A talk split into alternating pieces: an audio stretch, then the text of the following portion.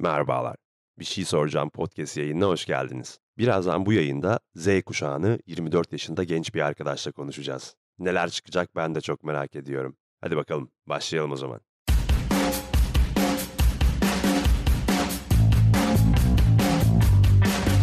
Merhabalar. Merhaba, Nasılsın? iyiyim. Sen nasılsın? İyiyim, teşekkür ederim. Ben de iyiyim. Nasıl hayat yukarılarda? Hayat güzel, serin. Yukarılar serin değil mi? Bugün ben seninle Z kuşağını konuşacağım. Sen de Z kuşağının bir temsilcisisin şu anda. Kaç Evet. yaşındasın? 24 yaşındayım. 24 yani yaşındasın. Z kuşağının başlangıcı. Birçok kaynakta Z kuşağının başlangıcı dok- 1996 yılı görünüyor. Bazı kaynaklarda da milenyum yani 2000 yılı olarak görünüyor. Şimdi ben ilk soruyla Evet. başlamak istiyorum. Z kuşağının teknolojinin kucağına doğduğu söyleniyor. Sen kaç yaşında internete bağlanan bir cihaz kullanmaya başladın ilk kez? 7 veya 8 yaşında falan Peki bir bilgisayar mıydı bu, bir cep telefonu muydu? bilgisayardı. Yani cep Ne kadar- telefonundan internet çok yaygın değildi. Okey. Peki ne kadar vakit geçiriyordun bu bilgisayarın başında? Yani günlük 2 saat yani ilk başladığım yani 7-8 yaşlarından bahsediyorsak belki 1-2 saat hani maksimum. Okey. Peki o yaşlardayken oyuncağın var mıydı?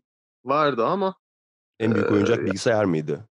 Evet, sürekli hani oyuncaklarla ilgili bir durum yoktu. Artık bilgisayar onun yerini almıştı yani o dönem hani o yaşlara geldiğimde artık. Z kuşağının son derece iyimser olduğu söyleniyor ama hiç hırslı olmadığı söyleniyor. Sen başladığın bir iş konusunda hırslı mısındır? Ya da etrafındaki insanlar nasıllar? Hırslılar mı? Aslında hırslıyım diyemem. Çevre olarak bakarsam arkadaşlar vesaire. Hırslı olanlar var tabii ki ama bence doğru yani bu söylenen. İyimser hani bir şeye girişmekte çok kolay ikna olabiliyoruz ama sonrasının devamını getirmek bence zor oluyor yani benim açımdan mesela veya gördüğüm kadarıyla. O Okey, yüzden hırslıyız diyemeyiz. okey. Peki Z kuşağının sosyal mecralarda kendilerine profil oluşturup burada kendilerine bir rol biçip bu rolü oynamaya başladığı ama bir taraftan da gerçek hayatta üretemez hale geldiği söyleniyor. Sen böyle bir zorluk yaşıyor musun? Hayat sosyal mecralarda mı geçiyor senin için? Şu an için tamamen yani sosyal medyada geçmiyor. Bu sonradan şekillenen bir şey ama. Ee, mesela ben Facebook'u ilk açtığımda 12 yaşında falandım. Ve o yaşlarda gerçekten hani sosyal şimdi bakıp geri dönüp baktığımda tehlikeli bir şey yani o yaşlar için. Çünkü her şey mükemmel sosyal medyada. Çevrendeki insanlar mükemmel.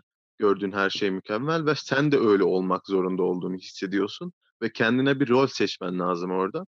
Ve onun devamını getiriyorsun. Sürekli bir beğenilme kaygısı, işte orada Hı hı. sevilme kaygısı gerçek dünyanın önüne geçmeye başlıyor. Şu an işin yok. Biraz yani sıyrıldım artık ama gerçekten bizim yaşlarımızdaki insanlar için hayat böyle başlıyor yani. Okey. Şu anda anne baban X jenerasyonu, eee, muhtemelen öğretmenlerin de senin Y kuşağının temsilcileriydi. X ve Y Evet. kuşağı ile hangi konularda daha çok çatışıyorsunuz? Onlardan kendine dair duyduğun en büyük eleştiriler neler mesela? Seni neyle eleştiriyorlar? Bu yine dijital ortamda geçirilen vakit olabilir mesela. Ne yapıyorsun bu Eee kadar bu telefonla falan diyorlar mı? Ha, evet, evet. En büyük şeylerinden biri ama aslında bence artık o kuşaklar da biraz kapıldı bu hani furyaya katıldı diyeyim. Artık kendileri de vakit, çok vakit geçirmeye başladı ama bu iş hala biraz böyle yani hani çok vakit geçiriyorsun. Telefon sürekli elinde. Sürekli bilgisayarda bir şeyler yapıyorsun vesaire. Telefonda ne kadar vakit geçiriyorsun? Bilgisayarda toplamda ne kadar vakit geçiriyorsun 24 saati baz alırsan eğer? Şu an bir şeyle ilgilenmediğimi, çalışmadığımı varsayarak kendim için söylersem günümün yarısı gidiyordur yani net şekilde bilgisayar ve telefona. Gününün yarısı gidiyordur. Peki. Evet, bir şey yapmıyorsam eğer, bir işim yoksa o günden bahsediyorsak kesinlikle gidiyordur.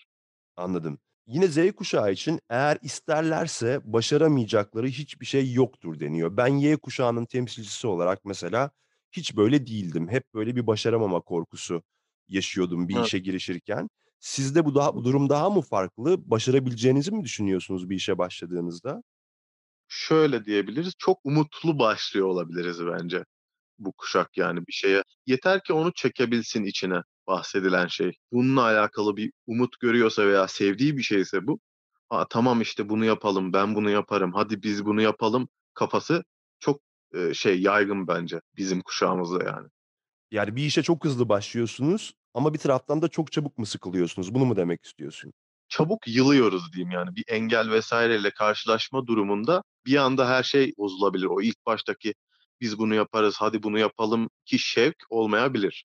Şunu mu diyorsun yani, oyunlarda hızlı hızlı level atlıyordunuz, başarılı oluyordunuz ama gerçek Evet. hayatta level atlamak çok zor galiba.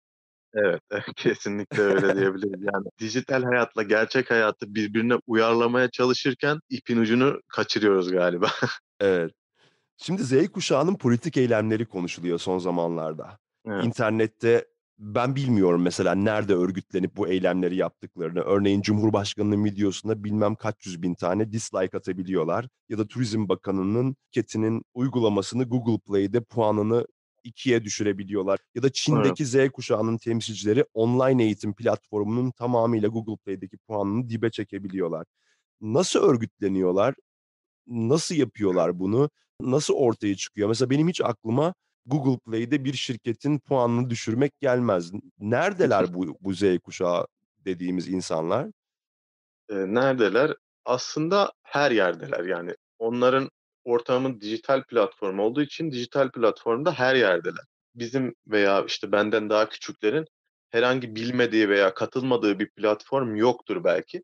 Şöyle, Facebook'ta bir eğlence grubu vardır, bir telefon satın alma, işte, tartışma bir şey grubu vardır. Instagram'da bir eğlence sayfası vardır. Onun haricinde oynadıkları oyunlarda katıldıkları, işte, klanlar vardır. Her tarafta bir topluluk var dijitalde ve bir tane bir şey yayıldıysa eğer o gruptan o sayfaya, o sayfadan o oyuna herkes bunu bir anda konuşmaya başlayabilir ve bu çok kolay, basit bir şey bu nesil için. Bir anda sıçrar ve hepsi sevdiği, güvendiği insanlar aslında orada olduğu için, "Ha, öyleyse tamam, hadi şöyle yapalım." deyince bir anda herkes galeyana gelebilir ve istediklerini yapabilirler.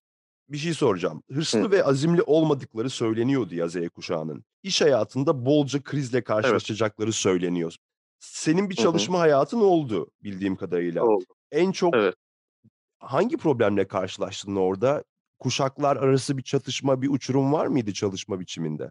Çok kötü değildi ama yok denemez. Eee, benimle ilgili olabilir veya bizim kuşağımızla ilgili olabilir. Kendimi bir şeye bağlı hissetmek çok uygun değil yani. Belki de bizim kuşağın kafa yapısına uygun değildir ama ve, hani, yöneticiler, çalışma arkadaşlarım gerçekten, hani, senin kuşağında, senin yaşıtın olmayan insanlardan bahsediyorum. Hı Eee, hı. çalışma düzenleri vs.leri, hayata bakışları çok çok farklı oluyor tabii ki bizimkinden. Biz bazı şeylerde riske atılabilir davranabiliyoruz ama, işte, onlar her şeyi böyle elinde tutmak, hiçbir şeyin böyle kaçırmamak, kontrol etmek istiyorlar, öyle söyleyeyim yani. Risk almak Ve bu istemiyorlar hiçbir şeyi, değil mi? Evet ve çevresindeki her şeyi kontrol etmek istiyorlar. Haksız değiller, işte, bir kurumdur, bir şirket, yani, bir yerde çalışırken, e, sonuçta oradan bir gelir sağlıyorlar, insan çalıştırıyorlar. Çalışan insan da bizim kuşağımızdan olunca tabii ki bu bir çatışmaya yol açıyor. Hani, bizim için daha serbest, daha risk alınabilir davranmak gerekiyor kafa yapımıza bakarsak. O Evet. yüzden çatışma oluyor bence. O yüzden iş hayatında başarılı olma oranları belki düşüktür. Bilmiyorum istatistiği var mı ama Aslında bence dünya size göre şekil alacak. Çünkü sizi Evet. tamamıyla değiştiremeyeceklerine göre iş hayatı size göre şekil alacak bir süre sonra. Zaten almaya da başladı herhâlde pandemiden sonra. Evet. Daha çok freelance çalışılacak, evlerden çalışılacak. Peki, şimdi Z kuşağı birçok platformda internette tabii ama Z kuşağının %97'si YouTube'daymış. Evet. Sen ya da etrafındaki insanlar YouTube'u ne için kullanıyorsunuz? Benim bu soruya ilk aklıma gelen mesela, yemek yerken YouTube açık değilse yemek yiyemiyorum genelde ve oradan herhangi bir içerik, herkesin ilgilendiği farklı olabilir ama genel içerikler, eğlenceli bir içerik olabilir, bir challenge olabilir, bir araştırma videosu, bir şey anlatan bir video olabilir. O sürekli sohbet edebileceğin bir şey aslında YouTube seninle. Sen sadece dinleyicisin ama. Sohbet ediyorsunuz ama sen sadece dinleyicisin.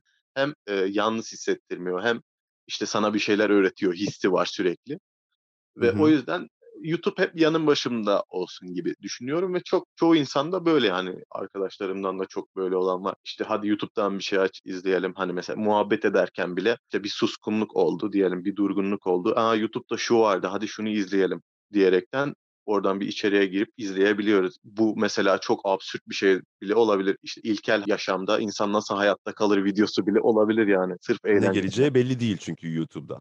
Evet, tabii. Peki, senin temsil ettiğin Z kuşağı bildiğin kadarıyla hiç televizyon izliyor mu? Televizyon ben sanmıyorum yüksek oranlarda izlendiğini. Kendim Sıkıcı de buluyorlar? çevremdeki insanlar da dâhil. Eee, şöyle, içeriği yönetmek istiyorlar. Televizyon içeriği yönetme imkânı sunmuyor. Hı hı. Kanal seçenekleri var ama kanalların da programları, saatleri, her şeyi belli. Bunun yerine dijital bir platformda istediği diziyi, istediği filmi, istediği saatte izler, istediği zaman durdurabilir. Yani bu özgürlüğü benimsediği için bence televizyon daha yabancı geliyor yani bu kuşağa. Okay. Yüz yüze iletişimde iyi olmadıkları söyleniyor bu Z kuşağının. Bu sende Evet. nasıl? Daha çok mesajlaşmayı mı tercih ediyorsunuz? O yüzden mi bu yüz yüze iletişim bir türlü gelişmiyor? Doğru, bence de öyle. Yüz yüze iletişimimiz önceki kuşaklara nazaran çok çok kötü. Yani tabii iyi olan istisnalar, gruplar vs.ler olabilir ama genel olarak karşılaştırma yaparsak gerçekten kötü. Çünkü evet, yani yazmada daha iyi olabiliriz. Kendimizi daha iyi hissediyor olabiliriz. Birini görmeden konuşmak veya yazarak konuşmak daha güven verici geliyor olabilir. Bir de bu ilk başta bahsettiğim sosyal medya etkisi, mükemmel olma vs. etkileri konuşurken iyi mi konuşacağım, kötü mü konuşacağım, şöyle mi gözükeceğim, böyle mi gözükeceğim ve kaygıları olabilir bu. İşte dijital ortama doğmanın verdiği kaygılar bunlar hep, mükemmelliyetçilik. Bunların hepsi bir araya gelince tabii yüz yüze iletişim performansı bence çok düşük oluyordur. Bende de öyle, çevremde de öyle olan insanlar var. O Evet. yüzden bu doğru pay olan bir şey. Peki, geçenlerde çok Türkiye'de çok konuşulan bir haber vardı. Kocaeli'nde 18 yaşında intihar eden ve arkasında bir not bırakan. Belki duydun, duymadın bilmiyorum ama ben sana bıraktığı nottan bir parça okuyacağım. Eee, notta şöyle söylüyor: "Bir araba, bir ev uğruna yıllarımı harcamak istemiyorum." notunu bırakıyor ve kendini öldürüyor. Eee, bu kuşağın, eee, evde arabada gözü yok mu Y ve X kuşağında olduğu gibi? Y kuşağı okay, birazcık daha bunu belki birazcık terbiye etti ama X kuşağı galiba sadece ev ve araba üzerine bir hayat kurmayı planladı hep. Evet. Evet, Eee kesinlikle. Z kuşağının bu bu maddiyatla ilgili düşünceleri neler? Z kuşağı bence X kuşağının tam tersi olarak, işte, ev, araba gibi önceden, daha önceden benimsenmiş hedeflere çok yabancı yani. Bunlar, hani, daha uzak geliyor bana veya, yani, konuştuğum arkadaşlarıma, çevreme. Bizim kuşağı çok yüksek orandır bence, hani, sorsak bunu. Hedefleri ev veya araba gibi basit şeyler değildir. Ha hatta ben de diyorum basit şeyler değildir diye mesela. E, çünkü bunlar, eee, çok daha basit geliyor. Bizim kuşakta, eee, daha komplike hedefler olabilir. İşte, yeni bir meslek dalı olabilir. İşte, başarılı yani, mesela çok başarılı bir yazılımcı olabilirsin ama, hani, bunu eve veya arabaya bağlayarak yapmazsın. Hani, önceki gibi bir şeyden para kazanayım ve, işte, evimi, arabamı alayımdan ziyade ben sevdiğim işi yapayım, işte, bundan çok ünlü olayım, çok para kazanayım, ev, araba zaten alırım kafası hı. var. Yani, o istediği istediğim şeyi yaparsam ben zaten her şeyi elde ederim gibi anladım. Amaç o değil. Amaç daha büyük bir Amaç şey. değil. Onlar zaten olacak. Onlar Hani araç. Aynen, araç. Bir amaç değil yani. Bir yaşam amacı değil, işte, bir ev sahibi olmak, bir araba sahibi olmak. Yani, bir hayat, her zaman görülmüş bir hayat standardı yakalamak bir amaç değil. Onlar Evet. zaten olsun. Hani, onlar, hani, olmasını istiyorum ama benim için bir amaç değil diye düşünülüyor bence. Ben de Ben hedefime ulaşırsam zaten onlar nasıl olsa Aynen. olur. Peki, döviz kurunun böyle tarihi zirveleri gördüğü günleri yaşıyoruz. Evet. gerçekten bir araba almak, bir ev almak filan falan çok zor yani. Hani, X kuşağı için Evet. Y için de, Z için de. Geleceğe dair bir umudun var mı? Yani, tamamıyla bitmiş denemez tabii ki, yani. Bitse zaten çok sıkıntılı olur ama, eee, Evet. çok çok düşük ihtimallere bağlı ufak umutlarla yaşıyoruz diyebilirim yani. Ki bence kuşak fark etmeksizin şu an çoğu insan da öyle düşünüyordur. Eee, hani, bir sü sürpriz olmayacak belki ama insan bir sürpriz, bir şey, bir çıkış yolu umuduyla devam ediyor. Şu an öyle çok yüksek, eee, hayaller, planlar kuramıyorsun. Her şey bir anda alt üst olabiliyor şu anki durumda. Evet. Eee, o yüzden ufak şeylere, çıkış yollarına, hayallere böyle bel bağlayıp artık yaşamaya çalışıyoruz, öyle Umutsuz söyleyeyim. yaşanmıyor yani. Aynen, umu umutsuz yaşam. Peki, ben bunu çok duyuyorum. Z kuşağı sosyal medya üzerinden aşık olup sosyal medya üzerinden ayrılıyor. Sen hiç sosyal medya üzerinden bir aşk yaşadın mı? Yaşadım ama, daha genç yani ergen. Nasıl oluyor? Hiç birbirinizi görmemiş mi oluyorsunuz? Yani hi hiç birbirini evet, hiç birbirimizi görmemiş oluyoruz. Belki şu an daha küçük yaştakiler bilmiyorum böyle yaşıyor mu ama mesela benim dönemimdeki, benim yaşıtım arkadaşlarımda bu vardı yani. Bayağı popülerdi çünkü, eee, işte sosyal medya falan da artık çıktı. Mesajlaşma falan çok patlamıştı yani bizim ergenlik ergenliğe giriş dönemimiz biraz öncesi. Tam böyle, işte, aşktır, sevgidir vs. olaylarını kavramaya çalıştığımız dönem ve, hani, bunu hemen, işte, yaşamak istiyoruz. Bir arkadaş veya sosyal medya bir şey aracılığıyla tanışıyorsun, hiç görmüyorsun. İşte, mesaj atıyorsun, o sana mesaj atıyor. Çok çocukça şeylerle, hani, böyle duygularla. İşte, bir şekilde bunun adı, hani, kız arkadaş, erkek arkadaşa geliyor. E, sonra sürekli konuşuluyor falan. Hiç birbirini görmüyorsun ama işte bir gün birbirini göreceğine dair planlar, hayaller kurarak bunu ilerletmeye çalışıyorsun. Tabii ki çok da uzun olmayan bir süre sonra, şimdi veda ediyorsun bu Yine ilişkiye, yine söyleyeyim. sosyal medyadan başlayan ilişki sosyal medyada bitiyor yani. Aynen. Kurduğun planlar, hayaller vs.ler, eee, zaten çok basit ve, hani, olmayacak şeyler olduğu için olmuyor ve yoluna devam ediyorsun. Hatta belki ileri derecede bununla ilgili aşk acısı çeken bile olmuştur yani o dönemde, benim sanal dönemimde. acı. Aynen, sanal acı çekmiştir yani. Peki, dünyayı ve ülkemizi yöneten politikacılara baktığın zaman en çok seni ne üzüyor? Temsil edildiğini düşünüyor musun mesela? Temsil edildiğimi düşünmüyorum. Hâlâ çok katı olmaları üzüyor. Mesela yumuşak davranmaya çalışıyorlar siyasetçiler, yani politikacılar ama mesela bunu yemiyoruz yani. Çok, Hı. hani, durdukları noktada çok katı duruyorlar. Aslında bu şu anki, yani, bu yeni kuşağa çok yabancı bir şey. Çünkü bir yerde durmuyorlar. Eğer bir yanlışı varsa onu söylüyorlar yani bu kuşak. Kendi durduğu tarafta olmayabilir, hani, başka bir yerde olabilir, başka bir tarafta olabilir. Yanlış bir şey varsa söylüyorlar, doğru bir şey varsa arkında duruyorlar. Ama günümüzdeki politikacılar, siyasetçiler bu kafaya uyamadı yani. Hâlâ yabancılaştırıyorlar, ötekileştiriyorlar bazı şeyleri. Hı. O göremiyorlar ve oradan çok şey, eksi puan alıyorlar bence bu nesilden. Peki, politik mi sence Z kuşağı? Yani bir politik olarak bir görüşü var mı? Yoksa bir dünya görüşü mü var artık? Çünkü internet sayesinde her şeye erişimi var. Evet, politik, eee, daha demin konuştuğumuz şeylerden yola çıkarak, hani, tam olarak politik değil yani. Biraz apolitiklik var bence bu kuşakta ama eğer yapması gereken bir şey varsa, yani, buna zorlandıysa, mecbur kaldıysa çok güzel, şeylerde durabiliyor taraflarda bence, yani, düşüncesini o zaman hani, köşeye sıkışma mı diyeyim artık, o zamanlarda artık o kafasında yapılandıran şeyi dışarı çıkarabiliyor. Onun sonrasında eğer rahatsa, eee, her şeye üşenebilir yani. Çok apolitik davranabilir bence bu nesil. Hı hı. Umutsuz davranabilir. Nasıl olsa şöyle olacak, önceden yorum yapabilir vs. Hani, böyle net bir politik duruşu, veya görüşü bence çoğunda yoktur. Bu zor durumlarda ortaya çıkıyordur diye düşünüyorum. Peki, nasıl bir ülkede, dünyada yaşamak isterdin sen? Ya da ne bileyim, mesela şu anda senin yaşamak istediğin standartta dünyada bir ülke var mı? Nasıl bir ülke, nasıl bir dünya seni mutlu ederdi? Ekonomik uçurumların, eee, çok olmadığı, Okay. eee, ondan sonra da daha özgür, yani, şimdi özgür deyince çok kapsamlı oluyor ama daha özgür, yani, çok saçma kurallar, çok saçma duvarların içinde yaşayabiliyoruz, yaşıyoruz yani. Ki zaten mesela düşünce, bir şey söylemeye bile korkabiliyoruz. Hani, belki bu neslin apolitik olmasının sebebi de budur yani.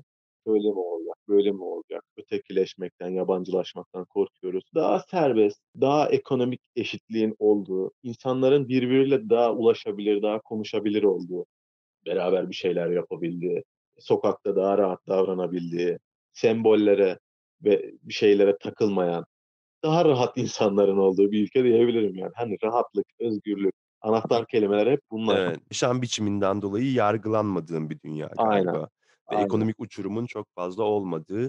Peki, sen Y kuşağında ya da X kuşağına, yani, Y kuşağı deyince öğretmenlerini hatırlayabilirsin, X kuşağı deyince de anne babanı ya da onun anne babasını da hatırlayabilirsin.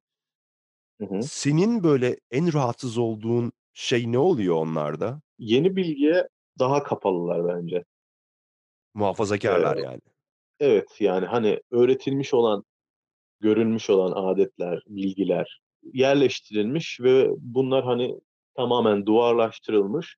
Yıkması çok zor. Bir fikri, bir görüşü veya bir işin yapılışı hakkında bir şey öğrenilmişse ve yıllarca tekrar edilmişse bunun farklı bir şekilde yapılabileceğine inandırmak çok zor yani o nesneleri.